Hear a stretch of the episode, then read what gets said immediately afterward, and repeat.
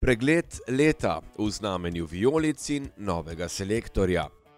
Osrednja tema: ali je video podpora sodnikom var prava rešitev? Evropske lige. Italijani, Angleži in Španci še ustrajajo. Ženski nogomet. Prvi dami v nogometnem sindikatu. Stave, komu El Clasico. Poslušate oddajo Golout, slovenska podcast oddaja o slovenskem, tujem in ženskem nogometu.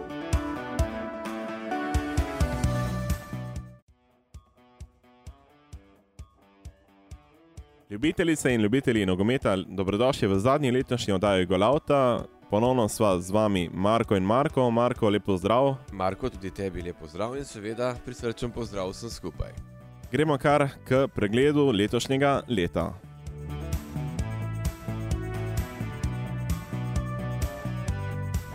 Ja, leto 2017 se bliža k koncu, pred nami so še božično-novoletni prazniki. Res da nekateri nogometaši oziroma klubi še ustrajajo, večinoma pa si je že privoščila dopust. Med drugim slovenski nogometaši so že na dopustih, medtem ko v Angliji, Španiji, Italiji pa še vedno igrajo. Tako je, o tem bomo sicer spregovorili kasneje, zdaj pa se bova Marko dotaknila tega leta 2017, pa začnimo kar na slovenski nogometni sceni. Lahko bi dejali, da je bilo leto 2017 v znamenju vijoličaste barve. Se pa vonoma strinjam, prvo so osvojili državni naslov, potem pa še uvrstitev v Ligo prvakov je nekako bila še pika na i. Ja, kazalo je lani po jesenskem delu, da se bodo morali Mariborčani bolj potruditi za 14. zvezdico v domačem prvenstvu, ampak Olimpija je bila v spomladanskem delu sezone nerazpoznavna, preslaba, da bi lahko konkurirala Mariborčanom. Preveč so imeli notranjih težav, ponovni prihod Stojiča, pa odhod trenerjev, pa prihod trenerjev. Predvsej sprememb v igralskem kadru in to je nekako bil tisti polom, ki ga je Olimpija potem doživela na koncu, ko ni osvojila naslov. Ja, tudi menjave trenerjev se niso obrestovale, v bistvu je bilo krivo, kot si že sam dejal, Marko. To, da so vendarle preveč igralcev zamenjali po zimi in to seveda nikoli na kratek rok ne obrodi. Bomo rekli, preveč ključnih igralcev so. Preveč ključnih, seveda, preveč ključnih igralcev, pa tudi novinci niso bili tisto, kar so pričakovali v eh, klubu. Je pa tudi to res, da pravi igralce moraš kupiti poleti, po zimi nekako samo še po domače flikaš. Že veliko krat je bilo videno, da igralci, ki pridejo po zimi, le redko pokažejo tisto pravo znanje v tem kratkem obdobju. Ja, drugo mesto so v lanskem prvenstvu presenetljivo osvojili Novogoričani, ki so bili celo najuspešnejša ekipa spomladanskega dela sezone. Zanimivo, celo boljši od Mariborčanov, ki so jim prizadejali sploh edini poraz v spomladanskem delu sezone in to v Novogoriškem športnem parku. Ja, pač kot sva že v prejšnji oddaji omenila, violice in vrtnice svetijo spomladi in to se je potem tudi izkazalo. Ampak vsekakor Gorica si zasluži velik poklon za to drugo mesto v lanski sezoni. Res da pa so imeli nekako tudi srečo, da ostale ekipe, konkurenti nekako niso blesteli, tudi domžalčani, ne, ki so se v samem zaključku nekako osredotočili predvsem na finale pokala, ki so ga potem tudi dobili na Bonifiki proti Olimpiji in tako so ljubljančani celo ostali brez Lovorike. Ja, Gorica je nekako prihajala iz ozadja, nihče ni računal na njih, oni so pa lepo zmagovali in to jim je pač pripomoglo do tega, da so prišli do drugega mesta. Če se še nekoliko dotaknemo tega jesenskega eh, dela sezone, eh, torej Mariborčani ponovno na vrhu s tremi točkami naskoka pred Olimpijo. Olimpija je bila dolgo časa v prednosti, čeprav seveda večjih razlik na samem vrhu ni bilo, ampak dejstvo je, da bomo očitno letos spremljali ponovno dvoboj med Mariborom in Olimpijo. Vsekakor se strinjam, to smo tudi pričakovali pred sezono. Obe moštvi imata zelo kvalitetne igralce in da bi nekdo drug bil tudi v tem dvoboju za naslov, bi bilo že nekako presenetljivo, mogoče domžalčani, ampak so preveč izgubili v Evropi. Ja, ampak domžalčani so si že priigrali mesto tik pod vrhom, torej na tretji stopnički, če se lahko tako izrazim. Potem pa očitno zelo zanimiv boj za četrto mesto. Tu nekako vidimo v igri kar tri ekipe: Rudar, Celje in Gorica. Točno tako. In tudi predvsej bo odvisno od kadra v vseh treh ekipah, kajti zimski prestopni rok bo verjetno predvsej okrnil vse tri ekipe. Iz domžal verjetno bo odšlo nekaj igralcev, v veljenju vemo finančne težave in verjetno.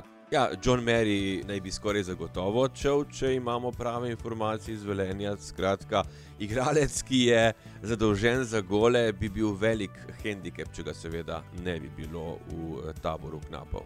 Čeprav, recimo, malo so v šali rečeno, imajo Junuzoviča, ki je bil nekoč prvi strelec lige, ampak je daleč od te forme. No, morda pa bo zdaj le, ko bo odšel, če bo odšel. John Mary spet v tisti stari formi kot pred leti, ko je zadeval kot šalo v velenskem drevesu. Boj za obstanek, Marko, tudi tukaj lahko rečemo, še ni vse odločeno, trenutno v najslabšem položaju Ankarančani, kar smo nekako tudi pričakovali, ampak dejstvo je, da nas čaka še 18 tekem, torej še polovica prvenstva je pred nami. Ja, pri Ankaranu se pozna njihova gostovanja na domači teren, so naporna, pa tudi igralski kader, ki ga ima na voljo vlado Bađim, ni uigran. Kajti prihajali so, odhajali so igralci še na sredini jesenskega dela in to se pozna, nekako ni mu uspelo uigrati to ekipo Vkolikor bo imel na voljo pravo število igralcev za spomladi, bi Ankaran verjetno bil tudi kandidat, ki se lahko meša za obstanek. Tukaj imamo tri glav, ki je nekako najbližje Ankarančanom, bo boj za izognitev zadnjemu mestu med tema dvema ekipama ali meniš, da se lahko recimo v ta boj umeša tudi recimo Krško ali pa Alumini? Zanimivo bo, kajti te ekipe so zelo izenačene in lahko bodo prav ta medsebojna srečanja odločila, kdo bo na koncu res izpadel in kdo bo šel v dodatne kvalifikacije. Je pa tudi res, vse bo odvisno od Ankarana. Kot smo že omenili, lahko se zgodi, da spomladi sploh ne bo v prvi ligi, ampak bomo videli sproti. Do konca februarja bo vse jasno. Je pa res, da si nogometna zveza Slovenija prizadeva, da bi Ankarančani zaključili prvenstvo in nekako celo dela se na tem, da bi Ankarančani svoje tekme vendarle igrali bliže domu. Veliko se govori o stadionu Spodnji Šiški, o stadionu Žaka v Ljubljani če bi do tega prišlo, ja, potem bi imeli zagotovo tudi Ankarančani boljše pogoje za delo, oziroma bliže bi bili domu in seveda. Nekako... Čeprav še vedno nekako oddaljeni, daleč od uh, Ankarana. No, ja, ampak 100 km ali pa še enkrat toliko je pa vendarle razlika. In vemo, da od Ljubljane do Dravograda je kar naporna pot se popolnoma strinjam. Drugače pa, Marko, recimo, če te izzovem, najboljši igralec jeseni, po tvojem mnenju? Tukaj bi moral dobro razmisliti, zdaj si me nekako dobil. Eh, izpostavil bom Markoša Tavaresa, pa ne zato, ker bi nekako bil najboljši, ampak ker je dosegel ta rekord. Torej, postal je igralec z največ goli v prvi slovenski ligi vseh časov, prehitev je celo legendarnega Štefana Škaperja, ki pa je za toliko golov eh, potreboval veliko manj tekem. Ampak Markos Morales Tavares je resnično eh, pravi igralec, tudi izjemno pozitivna osebnost. In lahko bi dejali, da je že pustil ogromen pečat. No, sam sem pa mnenja, da je mogoče Alves tisti, ki je nekako naredil največji preskok v letošnji jeseni od Olimpije če se spomnim lani spomladi, ga skoraj nikjer ni bilo, letos je pa nekako ključni mož pri Olimpiji. Ja, Riki Alves je v bistvu igralec, ki mu nekako leži pozicija za napadalcem. To pozicijo mu je nekako zdaj le dodelil eh, trener Igor Piščan in zadev polno. Spomnimo se, kako je Olimpija dobro funkcionirala. Z edinim napadalcem Abbasom, ki sicer ni to po profesiji, Eh, takrat so igrali zelo dobro, zadevali kot zastavo, dosegli veliko golov in se strinjam, Alves je v letošnji sezoni eh, kar precej napredoval. Tako iz klubskih zelenic na reprezentančne zelenice dobili smo novega selektorja, kajti Srečko Ketanec se je poslovil. Marko, kaj lahko pričakujemo od novega? Nekaj smo že omenili v tej oddaji. Je Tomaš Kavčič tisti mož, ki nas lahko popelje naprej? Jaz bom takole rekel. Najprej mu je potrebno dati čas, da pokaže nekaj, da nekaj naredi. Jaz verjamem, da je sposoben, to je ne na zadnje dokazal že tudi v mladi reprezentanci. Bil je sodelavec Srečka Katanca, pozna, kar je zelo pomembno, igralce v A reprezentanci, ne na zadnje jih je imel večino tudi v svoji eh, mladi reprezentanci. Mislim, da bo uspel znova vrniti v reprezentanco tudi Kevina Kampla, ki vemo, kaj pomeni za slovenski nogomet. Skratka, Jaz verjamem, da lahko naredi korak naprej. Če se še nekoliko zaustavimo pri prejšnjem ciklusu kvalifikacij, četrto mesto je manj, kot smo pričakovali, zagotovo. Zaostali smo ne le za Angleži, ampak tudi za Slovaki in Škoti. Kar pomeni, da nas čakajo zdaj le težji nasprotniki, vse na papirju v naslednjem ciklusu kvalifikacij za Evropsko prvenstvo. Ampak to niti ni tako pomembno. Pomembno je, da se bo začela reprezentanca graditi, da bo naša reprezentanca igrala tako, kot je treba. Predvsem pa si želim, da bodo fantje, ki bodo dobili priložnost reprezentanci, nekako eh, tam tudi srcem, oziroma da bodo res pripravljeni narediti vse, da bo ta reprezentanca napredovala nekako na kratko povedano, igranje s ponosom za slovensko reprezentanco. Točno tako, mislim, da potrebujemo reprezentanco s ponosom, da ne bi kdo slabo razumel. Verjamem, večina igralcev je tudi v prejšnjem ciklusu z veseljem, srcem nosila reprezentančni dres, ampak eh, želim si, da bi celotna reprezentanca delovala kot eno.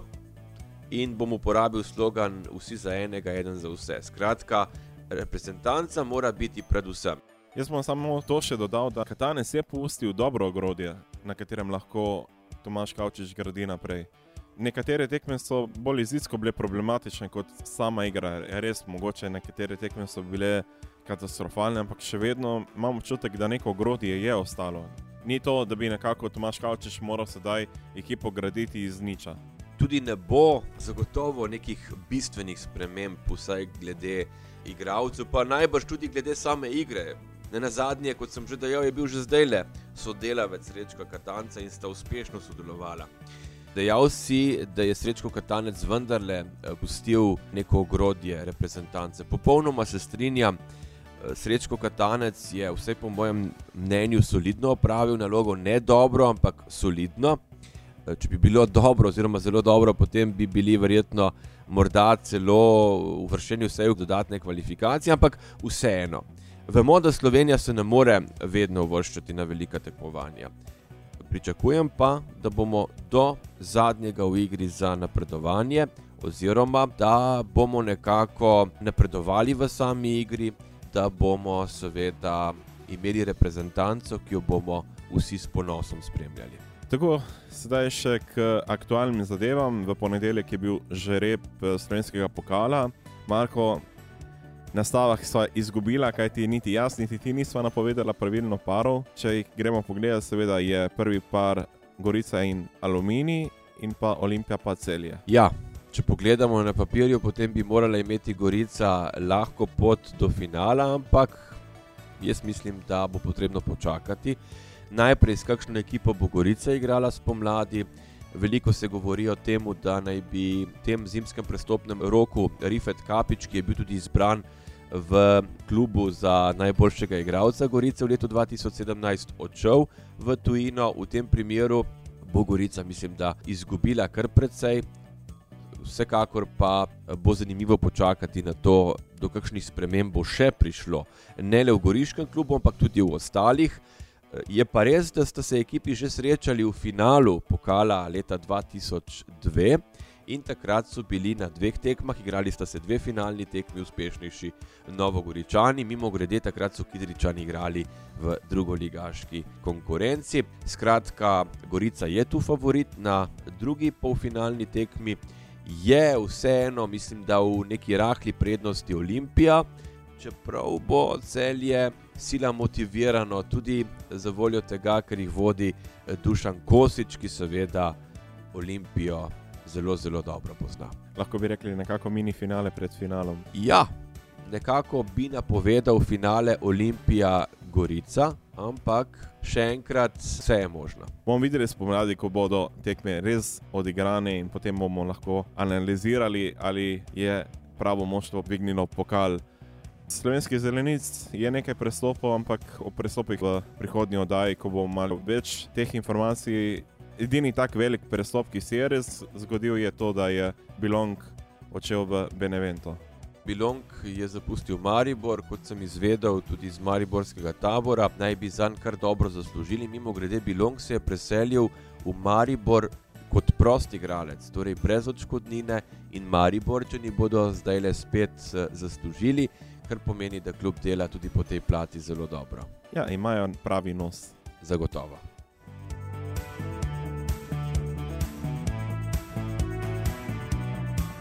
Potrebujete spletno stran, mobilno aplikacijo ali grafični izdelek? Priporočamo Source Design. Pokličite jih na nič 31 256 991 ali obiščite njihovo spletno stran www.sourcedesign.com.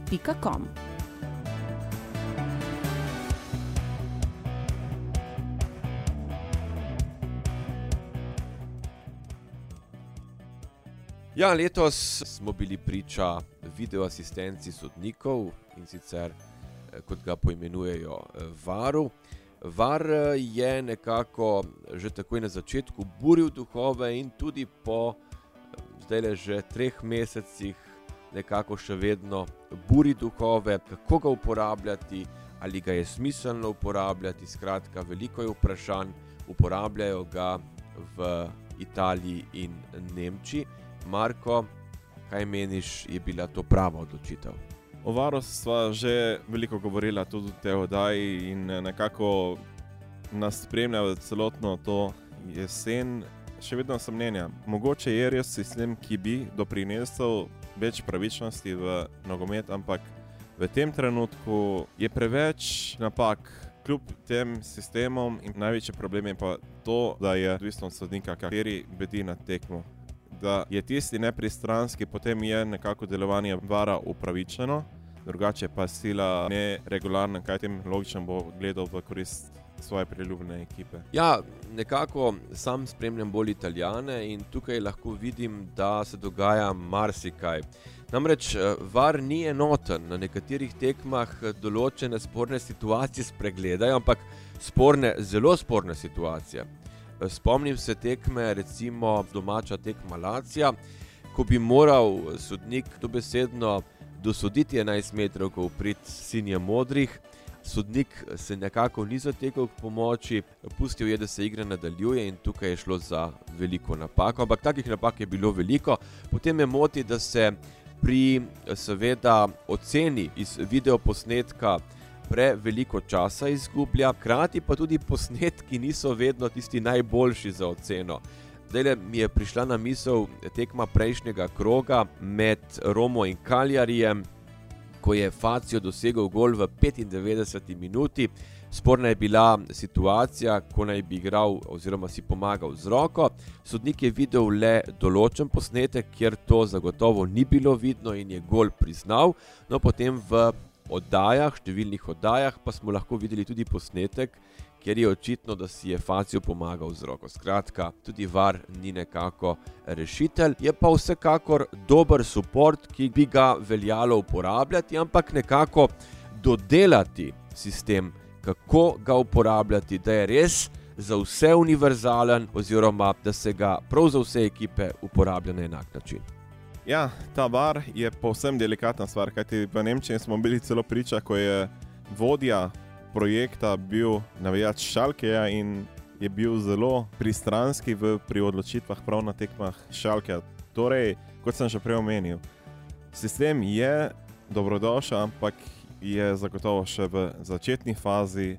In verjetno bo potrebno še nekaj let, da ga naredijo takšnega, ki bi lahko res potem koristil tudi samemu športu. Drugače pa se bojim, kot je trener Juventus omenil, da lahko tudi spremljamo tekme po 2-3 ure na račun vara, kajti v določenih situacijah verjetno res se ne moreš odločiti v kratkem času.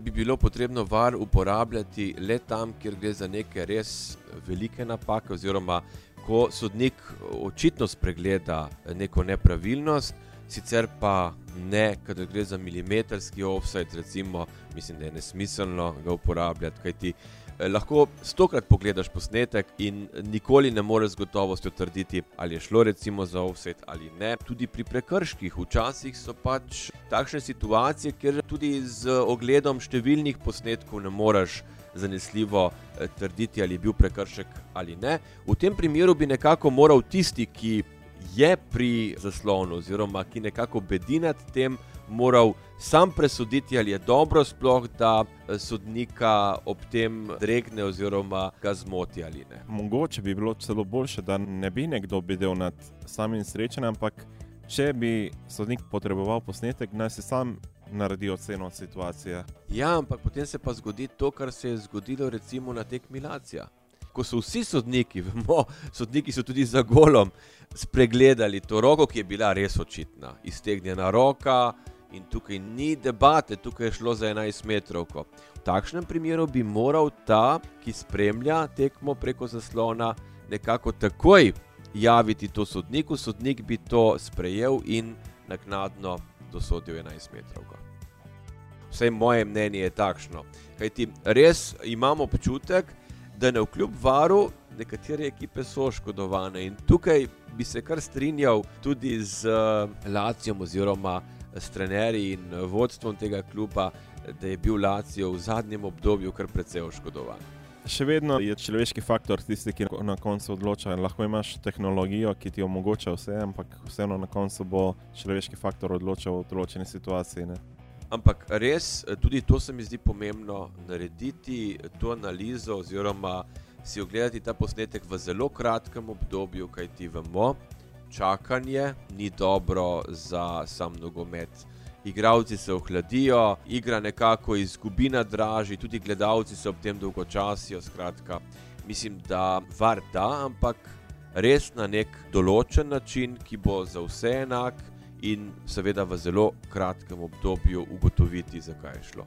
Ja, po nekaterih informacijah naj bi VAR dokončno sprejeli ali ne po svetovnem prvenstvu v Rusiji, ko naj bi dokončno bila odločitev, ali bo VAR tudi v prihodnji del nogometa ali ne. V tem trenutku sem bolj na strani za ne kot za da.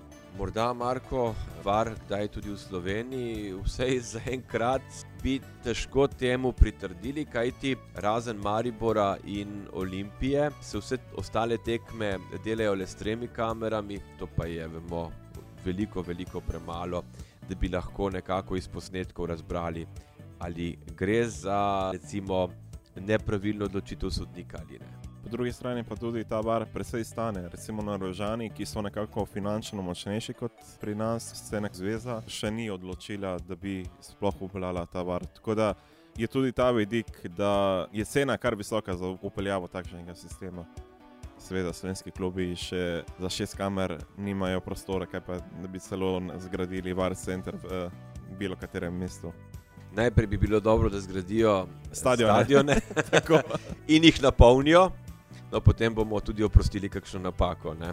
Vemo, pač, vse moje mnenje je, da se tudi v Sloveniji sodniki pač dobro opravljajo svojo nalogo, da prihaja tudi tukaj do napak, logično, ampak prav nič več kot recimo v ostalih, tudi močnejših ligah. Skratka, mislim, da imamo kar zelo solidne, večinoma govorim, da ne bo pomote eh, sodnike.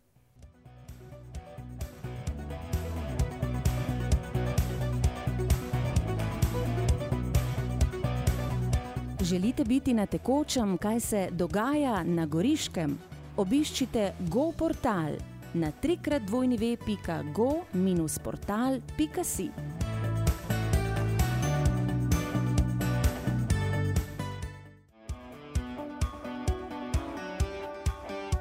Selimo se na mednarodne zelenice.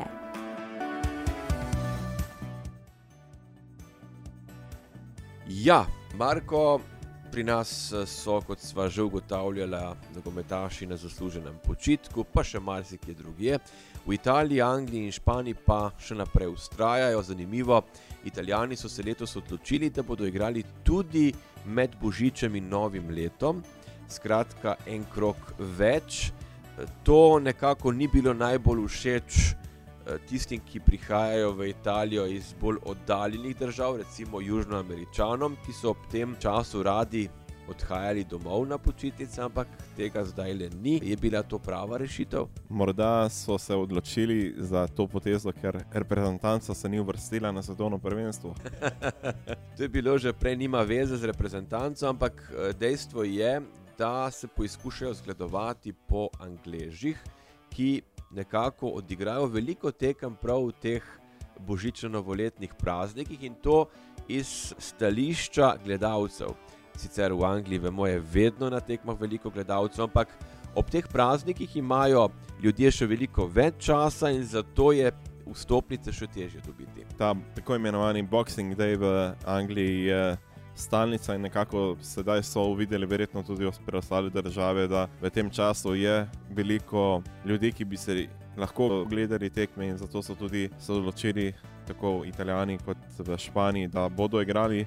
V tem obdobju. Drugače pa, Marko, predlagam, da pogledamo, kakšno je stanje v teh ligah. Kaj ti kar nekaj presenečen je, recimo, če smo že pri Angležih in Boxing Dayu, recimo Burnley na šestem mestu je precej veliko presenečenje. Ja, popolnoma se strinjam. 32 točk iz 18 krogov, le za točko zaostajajo za Arsenalom, ki je peti, vodi pa prepričljivo Manchester City, ki nekako kar hiti k naslovu državnega prvaka. Zanimivo na 18 tekmah. Kar 17 zmag in le en neodločen rezultat, gora razlika 56-12. Ja, kaj dodati ob tem, Marko? Ja, nič, nekako že jim čestitati za naslov, čeprav je še veliko tekem, ampak zelo dvomim, da bi Guardiola in njegovi varovanci pustili tako prednost. Če dodam še to, Marko, mogoče sem bil jaz krivec da, za tisti remi, kajti sam sem si ogledal to srečanje med Manchester Cityjem in Evertonom, ki se je končalo z 1 proti 1. Uh, takrat si pravilno napovedal, če se ne motim. Ne, to je bilo še v začetku prvenstva, spomnim prav drugi ali tretji krok prvenstva. Tako da takrat ni bilo še v stavnici določanje uh, eh, izide na posamezni tekmi, ampak od takrat je Manchester City samo začel drveti Aha, takrat si ga pokritiziral, če se ne motim. A, zdaj se spomnim. Ja, ja, ja, seveda. No, ja, vidiš, vsaka kritika tudi lahko dobro zaleže. Pep Guardiola je ponovno pokazal, da je pravi trener in zdaj le verjetno. Ima kar rekord v vseh največjih ligah.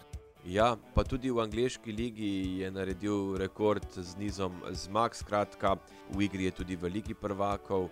Res, eh, kar zanimivo bo spremljati eh, drugi del sezone v evropskem tekmovanju, ampak zdaj le čaka Manchester City zelo lahko delo, jutri bo gostil Brmut in kaj reči, verjetno tukaj ni možno kakšno presenečenje. Ne, tukaj je čista enka in tisti, ki bi stavil kaj drugače, po mojem, se ne spozna na nogomet in trenutno nogometno stanje. Marko, počakaj, da ne bova drugič razlagala teh naših komentarjev in ne bova ugotavljala, da bolje, da kar zaključiva. uh, vse se lahko zgodi, ampak vemo, Manchester City hiti k naslovu prvaka. Najbližji zasledovalec je trenutno mestni tekmec United, ki pa zaostaja trenutno za velikih 11 točk, potem pa Chelsea na tretjem mestu, ki zaostaja že za velikih, velikih 14 točk branilci naslova torej izgubljajo bitko, vsaj kar se tiče boja za prvo mesto. Ja, nekako tudi sam Konte je videl, da mogoče ima premajhen kader, da bi lahko resneje ogrozil na dveh frontah, se pravi Ligo Prvaka in pa Premier League.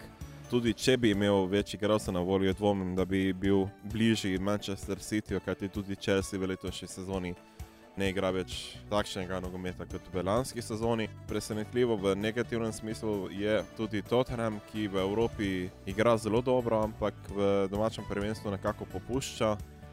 Sam sem ga že veliko krat omenil kot uh, kandidata za vrh, ampak očitno letošnja sezona je predvsem mišljena v čim večjem uspehu v Ligi prvakov, kajti početino nima tako širokega kadra, da bi lahko resneje ogrozil in bil na dveh frontah največje presenečenje v negativnem smislu je morda Everton ali pa celo West Ham. ki se pa sedaj nekako pobira po zamenjavi trenerja, ko je prišel David Moyes, ki je prevzel po Hrvatu Slavenu Biliču. Drugače pa se tudi nekaj šešlja, da bi se Louis van Gaal vrnil v Anglijo in sicer k zadnji uvrščenemu Swanseju. Bi Fangal znal rešiti tako ekipo, kajti vseeno gre za trenerja, ki je navaden biti v zgornjem delu, ne v spodnjem. Ja, to je tisto vprašanje, ki se tudi meni poraja, kaj bi lahko Vangal naredil s Fonsijem. Ja, težka pozicija trenutno, ampak še vedno ekipa iz Walesa še ni izgubila vseh možnosti za obstanek, kajti razlika ni prevelika z ostalimi ekipami spredaj, tako da Swansea ima možnosti zagotovo, da obstane. Je pa res zanimivo vprašanje, kaj bi lahko tukaj nizozemec storil. Je pa trener, ki zna recimo v nekem kratkem obdobju narediti neko revolucijo. Skratka, na kratek rok, da, na dolgi rok, pa ne vem, če bi se najbolje znašel v tej ekipi. Sicer se mi pa sedaj poraja ideja, ki bi bila verjetno zelo zanimiva.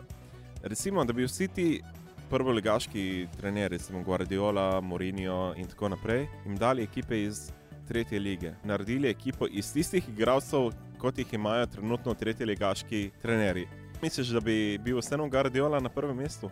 Ja, tukaj je pa že, bi si bilo potrebno vzeti več časa, morda dobra ideja za kakšno naslednjo oddajo. Namreč, moje mnenje je, da so nekateri trenerji, ki znajo zelo dobro delati v ekipah, kjer imaš veliko zelo kvalitetnih igralcev, zvezdnikov. In so takšni trenerji, ki se v takšnih ekipah ne znajdejo, se pa znajdejo zelo dobro v tistih ekipah, ki imajo povprečne igralce, oziroma v ekipah, ki se borijo recimo za precej nižje cilje. Tako da tukaj bi bilo, se popolnoma strinjam, zelo zanimivo to videti, ampak mislim, da tega filma ne bova nikdar videla. Morda, če bi bila kakšna bogataša oziroma kakšna katarca, ki bi nekako jih prepričala, da pridejo v te klube. Glej, jaz imam idejo, že to bi bilo možno narediti. Recimo, da bi se zamenjali trenerji v Premier League, se pravi, trener vodilne ekipe Pep Guardiola bi recimo prevzel zadnjo vrščeno ekipo Swansea. Kaj meniš, kako bi zadeva izgledala? bi, bi uspel Swansea rešiti pred izpadom? Ja, težko je reči.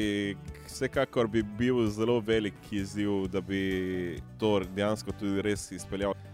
Če realno pogledamo, Guardiola res je vodil drugo ekipo Barcelone, ampak vseeno je bil v takšnih klubih, kjer je bil denar, kjer je lahko pripeljal tiste igralce, ki je želel.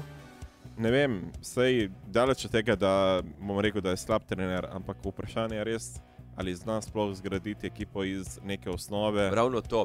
So trenerji, ki so recimo začeli na najnižji ali pa zelo nizki stopnički in potem napredovali. Nekako v mislih imam recimo Mauricija Sarija, aktualnega trenerja Napolija, ki je bil dolgo časa, poleg tega, da je opravljal trenerski posel v nižjih ligah, tudi bančni uslužbenec in šele pri Empoli v B ligi je potem pustil službo. Trener, ki je eden najbolj recimo uspešnih trenutno v Italiji in ki je pokazal, da obvlada nogomet, ki ima tudi neke svoje ideje. Skratka, dokazal je, da lahko dela v nižjih klubih, pa tudi v tistih najboljših. Videli bomo, kako se mu bo letos razpletlo, ali lahko Napoli popelje celo do naslova prvaka. So pa tudi trenerji, ki so začeli že v top klubih, niso nikoli imeli možnosti voditi slabših ekip. Ja, kaj ti, tudi ti trenerji, ko enkrat pridejo v te največje klube, nima niti interesa iti v manjši klub. Recimo, je nekako za njega to stopnička nazaj, na mesto naprej. Ne? Ne, ne, to že razumem, ampak recimo, težko je. Se popolnoma strinjam, ko ti začneš na nekem visokem nivoju, je težko iti niže, ne? razen če ni pač možnosti drugih. Ampak tisti, ki začnejo pa recimo v slabših uh, klubih, v nižjih ligah, pa nekako se morajo tam dokazati, da lahko potem sploh dobijo priložnost v močnejših klubih. In to so trenerji, ki nekako, vsaj po mojem mnenju, obvladajo posel v takšnih in drugačnih sredinah. So pa trenerji, omenil si Guardiolo, lahko bi tukaj omenili Murinja, pa recimo ne na zadnje tudi Mančinija. No, ja, Ančeloti je sicer vodil tudi Beligaša, Rečano, ampak to je že kar nekaj časa nazaj, skratka. Uh, tudi on je začel niže, potem pa, ko je prišel na nek nivo, zdaj le ima same vrhunske ekipe. Po drugi strani sem se pa sedaj spomnil prav na Davida Mojsa, recimo dolgoletni trener Evertona. Everton res ni največji klub v Angliji, ampak nekako sredina. Lesice bomo rekli, ki ga je držal v vrhu lesice in potem, ko je šel k Manchester Unitedu, je pa pogoril na celi črti. Je pa tudi to res, da prevzeti po Fergusonu je nekako bila že misija ne mogoče. Ja, tle je veliko dejavnikov, so pač trenerji, ki se v eh, določenem ambientu odlično znajdejo, pa ne le trenerji, tudi igravci. To velja za vse praktično. In so v nekih drugih ambientih neuspešni. Ne. Zdaj mi je prišel na misel trener Gigi Delneri, do nedavni trener Udinezeja, ki ga je potem pri Videmčanih nasledil Massimo Odo on je imel priložnost voditi že tudi boljše ekipe, ampak zanimivo, prav nobeni boljši ekipi ni dosegel rezultatov. Pri Portu se je njegova epizoda končala že takoj po slabem mesecu, če se ne motim. Nekaj podobnega je bilo pri Romi, pa recimo spomnimo se pri Juventusu, ni prišel više od šestega mesta. To tudi nekaj pove. Skratka, so trenerji, ki znajo voditi eh, vrhunske ekipe in so trenerji, ki pač tega ne znajo. Kot si že sam dejal, to je dobra srednja tema v kakšni prihodnji oddaji. Sva nekoliko zašla, ne zdaj le. Tako, recimo, to je dobra tema, ko bomo gostili kakšnega trenerja. Pa da je povabiti Guardiolo, da nam tako iz prve roke pove, kako bi se znašel v Kaj meniš, bi nam uspelo? Verjetno bi bilo potrebno najprej eh, dobiti še uradnega prevajalca, ker oba govorijo angliško, ampak za naše poslušalce. Bi kar katalonsko lahko se pogovarjali. Ali pa špansko, recimo, na vse. Bom tako rekel, kaj pa če bi gostila kar našega selektorja, poskušala dobiti Tomaža Kavčiča? To pa zagotovo prihodnje leto ga bova povabila in verjamem, da se bo odzval povabilo.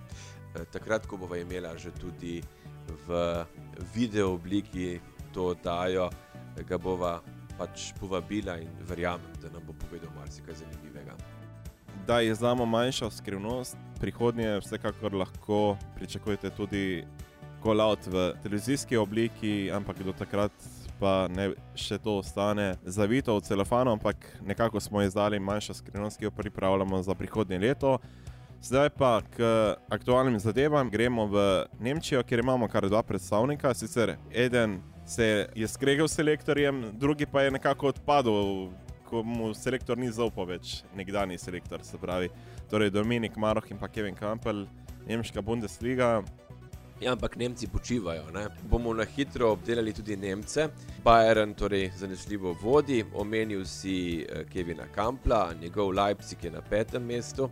Eh, kar pomeni, da zaostaja za pričakovanji iz lanske sezone, ampak vendarle, drugo mesto ni daleč, Čalke nič štiri ima le dve točki prednosti, enako število točk kot Leipzig, pa zanimivo imajo tudi Borussia iz Dortmunda, Bayer iz Leverkusna.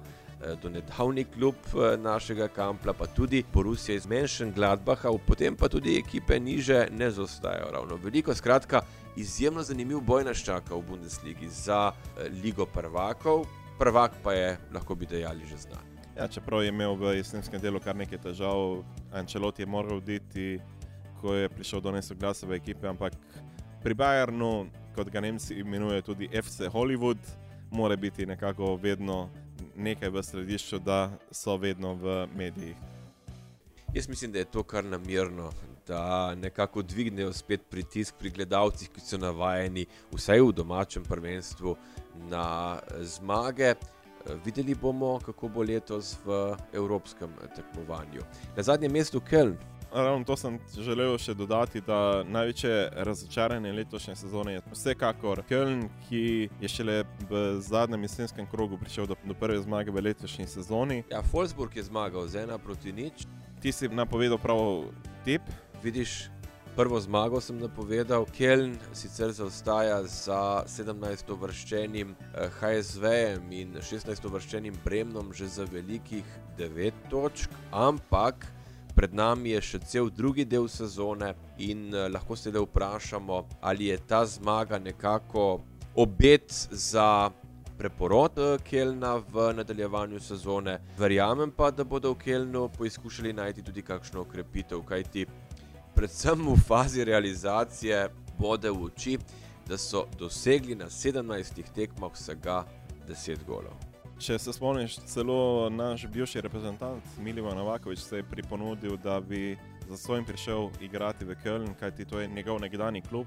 Ampak na koncu ni prišlo do tega, da bi Novakovič res igral ponovno za Köln.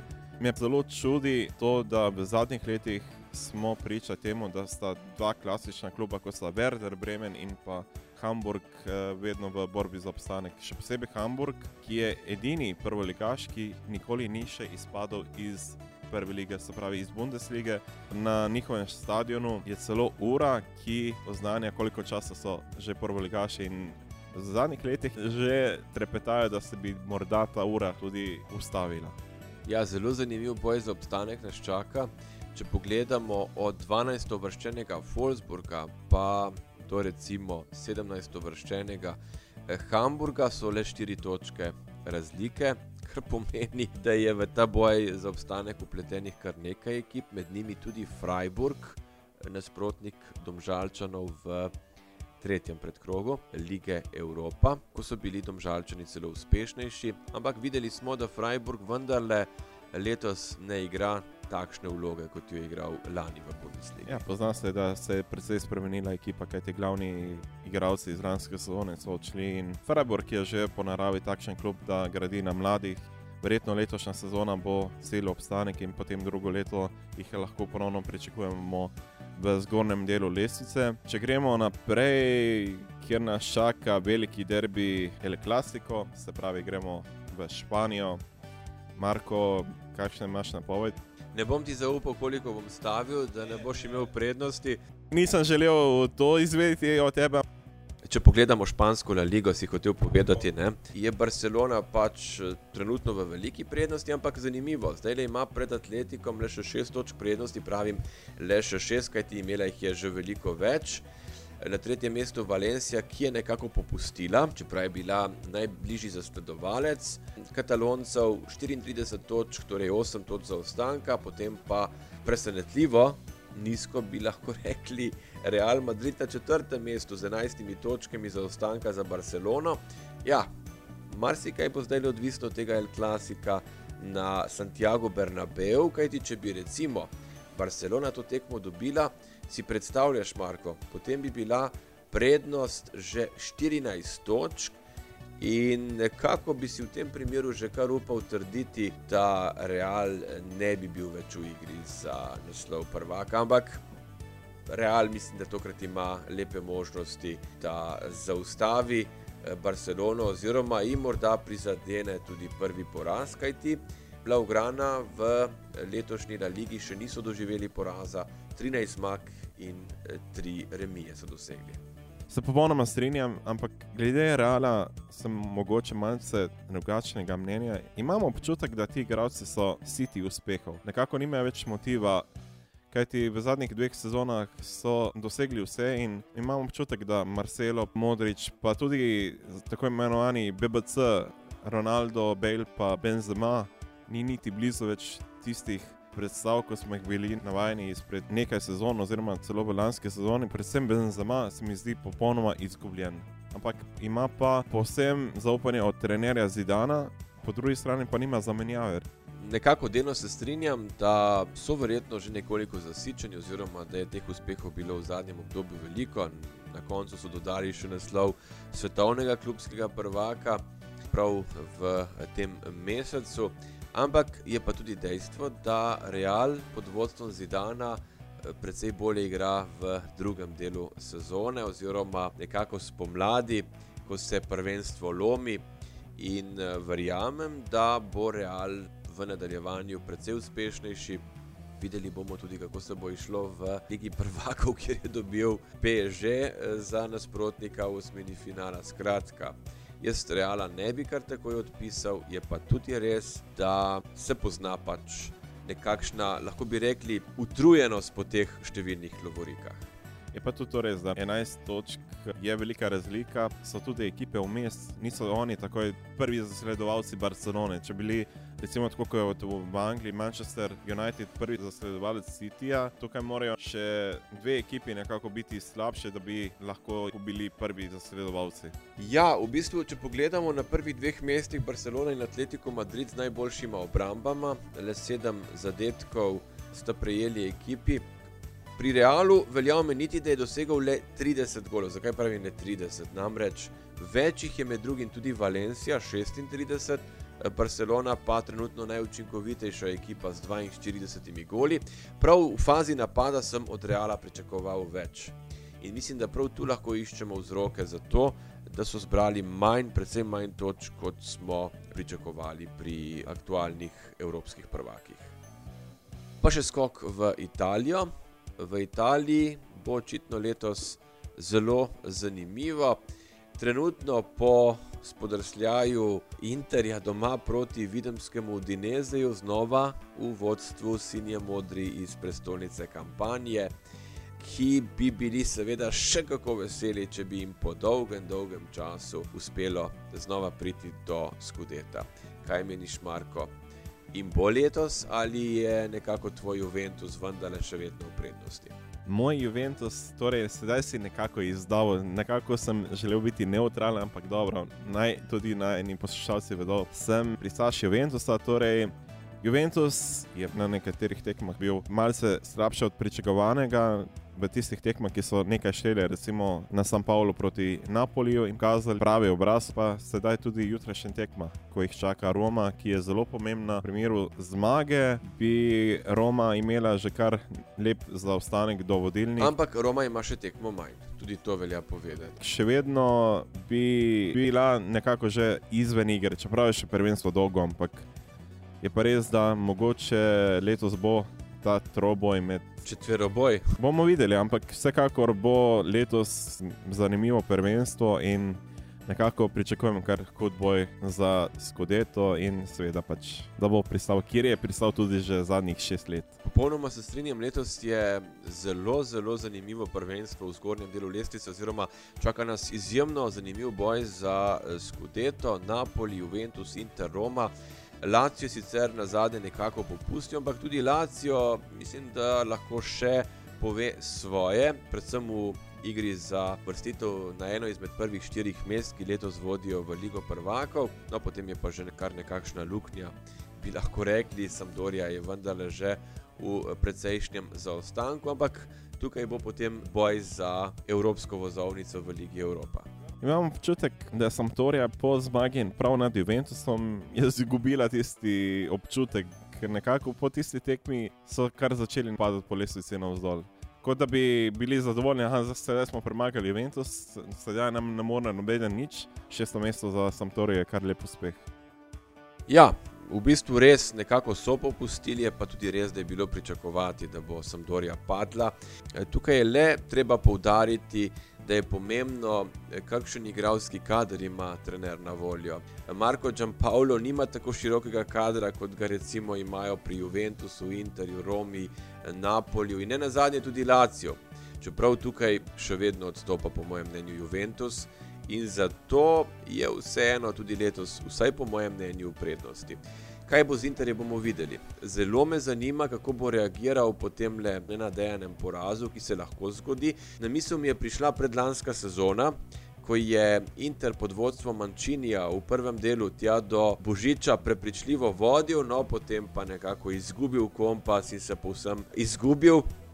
Na koncu pristal le v Ligi Evropa. Ali se lahko kaj podobnega zgodi tudi letos, ne verjamem, kajti Lučano Spaleti je vendarle trener, ki zna reagirati tudi ob takšnih situacijah. In verjamem, da bo že zdaj, ko bo igral v Rečo Emiliji proti Sassuolu, spet pravi Inter in da bo nekako letos celo v igri, morda se motim, vendarle za naslov prvaka. Če smo že izdali, da sem sam nekako pristaš Juventusa, potem moramo tudi povedati za tvojo ekipo, kaj ti tudi ti imaš priljubljeno ekipo v Serie A. Udineze, to je Udineze iz Vidma, še iz časov, ko je za Videmčane igral Ziko, ki ga vse tisti, ki nekoliko dlje spremljajo nogomet, še kako dobro poznajo. Ja, Ziko je bil nekaj podobnega, kot je recimo zdaj le Ronaldo ali pa morda Messi. Zelo zanimivo je dejstvo, Da je pristal prav vidno. da je pristal v takšnem klubu, kot je Udinese, ki ni bil nikoli nek velikan. Res, da pri Udinezeju ni mogel narediti veliko, ker pač Udineze ni imel tako močne ekipe, ampak zapustil je izjemen pečat. In kar zanimivo, da je bila to sploh edina evropska ekipa Zika. Tako da imajo videmčani vendarle čast, da so nekoč imeli v svojih vrstah tako izjemnega nogometaša, kot je bil Ziko. Torej, če pogledamo še slovenske predstavnike, nekako Hananovič je na tretjem mestu, potem Kurtič pa Iličič na sedmem za Talanto. In potem je Kijevo na 13., kjer sta Cesar pa Birsa, in potem imamo še Andreja Kotnika, Kotnik je že zapustil Krotone, res da je še na papirju eh, pri njih, ampak ni več v igralskem kadru novega trenerja Walterja Zenge, kajti vemo, da je eh, Davide Nikola izgubil službo in da ga je zamenil nekdani italijanski reprezentančni vratar, ki je mimo grede zdaj le vendarle vknjižil tudi prvo zmago in to doma eh, proti Kijevu Walterja Birse in Boštjana Cesarja. in potem imamo še Vida Belca, ki pa v zadnjem obdobju ne brani več. Brinjoli dosegel gol proti Milanu. Bo moral Belec očitno nekaj več narediti tudi v fazi napada, če bo šel, še hotel stati v vratnicah, šalo na stran. Vid Belec je, vsaj po mojem mnenju, zelo dober vratar. Ampak res ne vem, to je najmanjši problem Beneventa. Tudi Brinjoli je dober vratar, se strinjam. Benevento ima dva, ne bom rekel odlična, ampak dobra vratarja.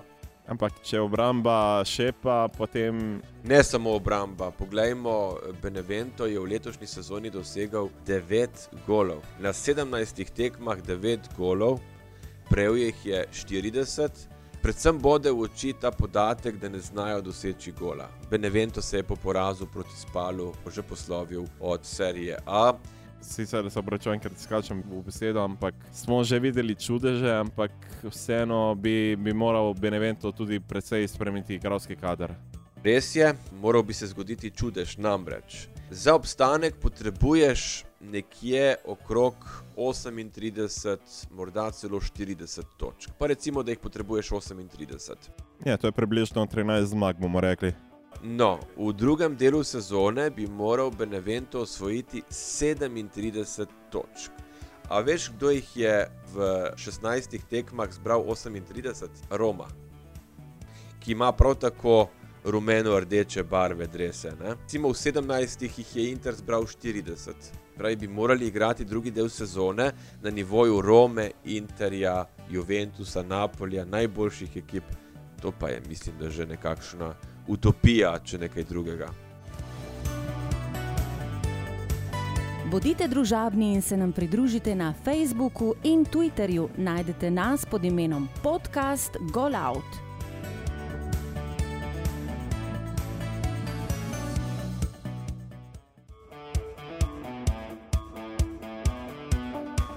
Dovolj je moške prevlade, na vrsti je ženski nogomet.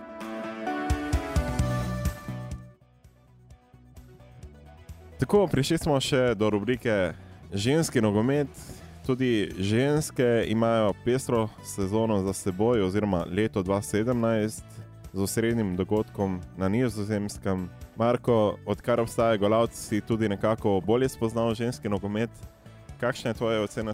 Ja, da tudi ženske znajo igrati nogomet, da sicer ženski nogomet ne more biti nikoli tako zanimiv kot je moški, ampak to je pač stvar eh, fizične konstitucije oziroma predispozicij, da pa ženske imajo že kar dobro izoblikovano tehniko, oziroma da v taktičnem smislu kar precej napredujejo in da verjamem, da se tudi slovenskemu ženskemu nogometu piše lepa prihodnost. Potrebuje še nekaj časa, kajti je še v razvoju, tako kot je tudi naša slovenska liga, še v povojih, oziroma da se počasi stabilizira in da dobimo končno vsaj nekaj ekip, ki bi redno nastopile v državnem prvenstvu, da nekako dobimo tisto izenačenost, da ne bi spremljali tekme po 10-15 nič.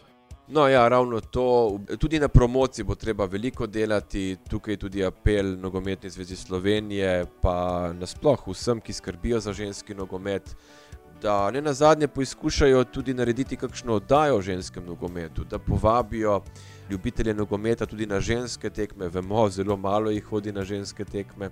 Jaz mislim, da bi lahko eh, ženski nogomet precej napredoval, predvsem pa si želimo vsi močno reprezentanco.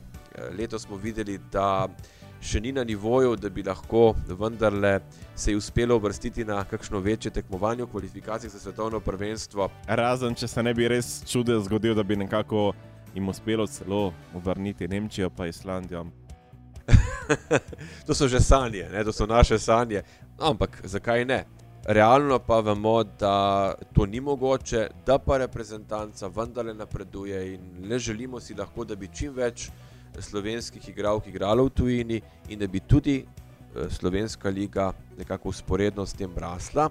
Kaj ti potem logično, bo tudi več igralk, ki bodo zanimive za tuje močnejše klube. In to je vse skupaj povezano. Spomnimo se, kako je bilo v moškem slovenskem nogometu. Upajmo, da bo po tej poti šla tudi eh, ženska reprezentanca. Vsekakor pa ženska nogomet ostaje v naši oddaji tudi v prihodnje. Če pogledamo še nekaj drugih dogodkov v tem letu, je bilo kar zanimivo, da so nizozemke postale evropske prvakinje. Po prevladi nemške reprezentance smo končno dobili še eno reprezentanco, ki je oknjižila evropski naslov. Na klubski sceni pa Lyon obranil naslov v Ligi prvakin in je v letošnji sezoni tudi ekipa, ki drvi proti naslovu in bo morda prva ekipa, ki bi kar trikrat zaporedoma osvojila evropski naslov. Kot drvi v letošnji sezoni, v francoskem prvenstvu po 11 krogih ima kar 11 zmag in celo 60 zadetkov danih in samo dva prijeta. To je lepa gola razlika. V moški konkurenci se kaj takšnega ne more zgoditi. No, ravno to je tisto. Ne? Imaš veliko neenakovrednih ekip v istem rangu tekmovanja, kar seveda ni uprit zanimanja za ligo, je pa res, da je ekipa Liona res odlična ekipa. Eh, torej, ženska ekipa. Ampak, Marko, še ena novost je ne, v ženskem nogometu. Namreč imamo prvi dami v sindikatu, nogometnem sindikatu. E, kaj to pomeni za ženski nogomet? Vsekakor preboj, kajti s temi pogajanji, ki so jih imele ženske v letošnjem letu z nogometnimi zvezdami, je tudi sindikat uvidel, da morda tudi ženske potrebujejo več pomoči, oziroma da je potrebno tudi njih upoštevati. In gdanja švedska reprezentantka Karolin Jensson in Kamila Garcia iz Čila so postale članice upravnega odbora pri Svetovnem združenju nogometnih sindikatov, tako imenovanem FIFPROju. Mar to pomeni, da bodo imele ženske nogometašice, torej v kratkem tudi boljše plače? Bomo videli, verjetno sedaj bo imeli boljše izhodišče za pogajanja. Vsekakor pa, če se spomnim, recimo v prejšnji oddaji je že Dominika omenila, da v Španiji imajo že nekako načrt, da bi postavili tisto najnižjo mejo.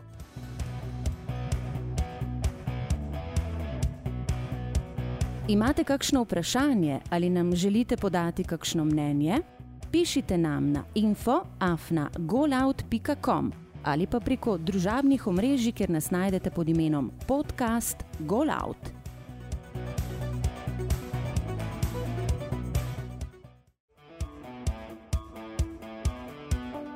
Kdo bo koga?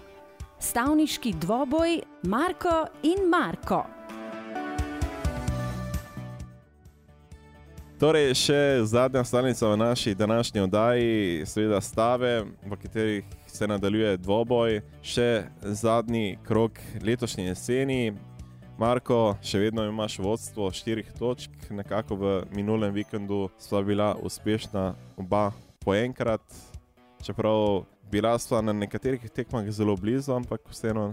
In tako daleč, ne? zelo blizu in tako daleč štejejo le rezultati, štejejo točke, kot si dejal, sva zdaj le še vedno na štirih točkah razlike, ampak pred nami je še zadnji krok v tem koledarskem letu, ko se lahko marsikaj spremeni. Marko, boš tokrat ti začel? Lahko. Ali jaz, meni je vseeno. Tudi meni je vseeno, kaj ti sem uvidel, da ne glede kdo gre prvi, nima. Večjega uspeha potem na koncu, torej lahko tudi žrebava. Kar odločiti.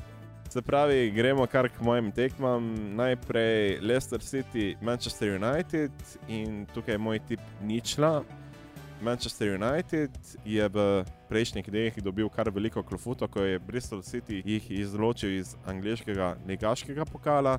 Medtem ko Leicester City je pa pričakovano izpadel proti Manchester Cityju, torej nekako dva ranjenca se bosta pomirila in tukaj bo na koncu, kot sem omenil, ničla, se pravi remi. Potem druga tekma, ki sem jo izbral, je seveda derbi v italijanskem prvenstvu med Juventusom in pa Romo. In če ste malce prej slišali, boste sedaj nekako sami preračunali, kakšen bo moj tip te tekme, se pravi Juventus Roma enka nekako bo Juventus želel narediti to razliko med obema kluboma še za dodatne tri točke, da se ne bi tudi ona še vključila v boj za prvaka. Potem iz Italije v Valencijo, kjer bo še mestni derbi. Letošnje presenečenje španskega prvenstva Valencija bo gostila mestnega tekmeca Villarreal in tukaj menim, da bo zmaga ostala na mestaji, torej Valencija Villarreal je moj tip ena. Tako, to so moje tri tekme, Marko, sedaj imaš pa ti priložnost napovedati in bomo videli, ali boš imel drugačno taktiko kot v prejšnjem tednu. Odkar ti je padla forma, nekako še vedno iščeš.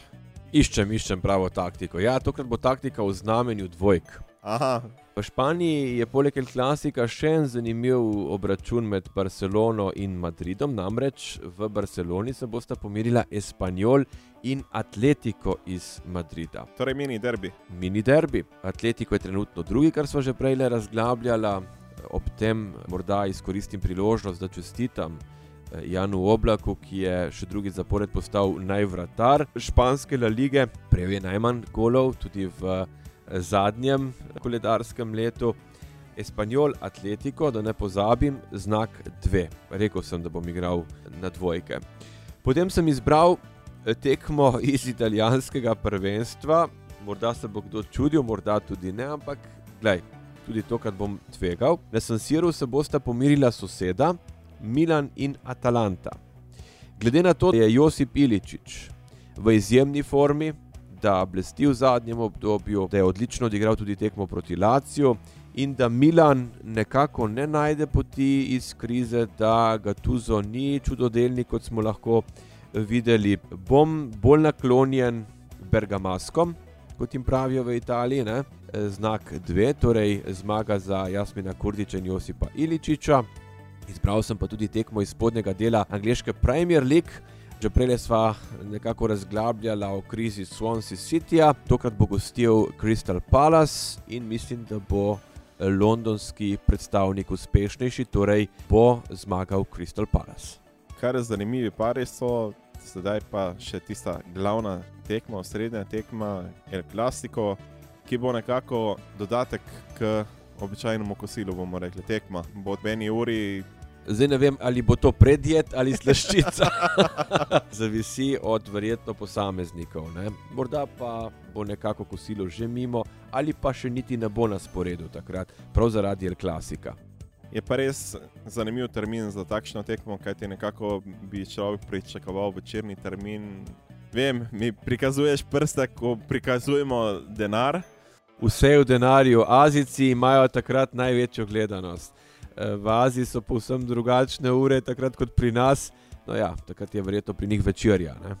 Se je tudi ta tekma nekako prilagodila azijskemu trgu, kot številne druge, kot ti vsaj vemo, tudi angliško prvenstvo ima obenih tekmov prav zaradi azijskega tržišča.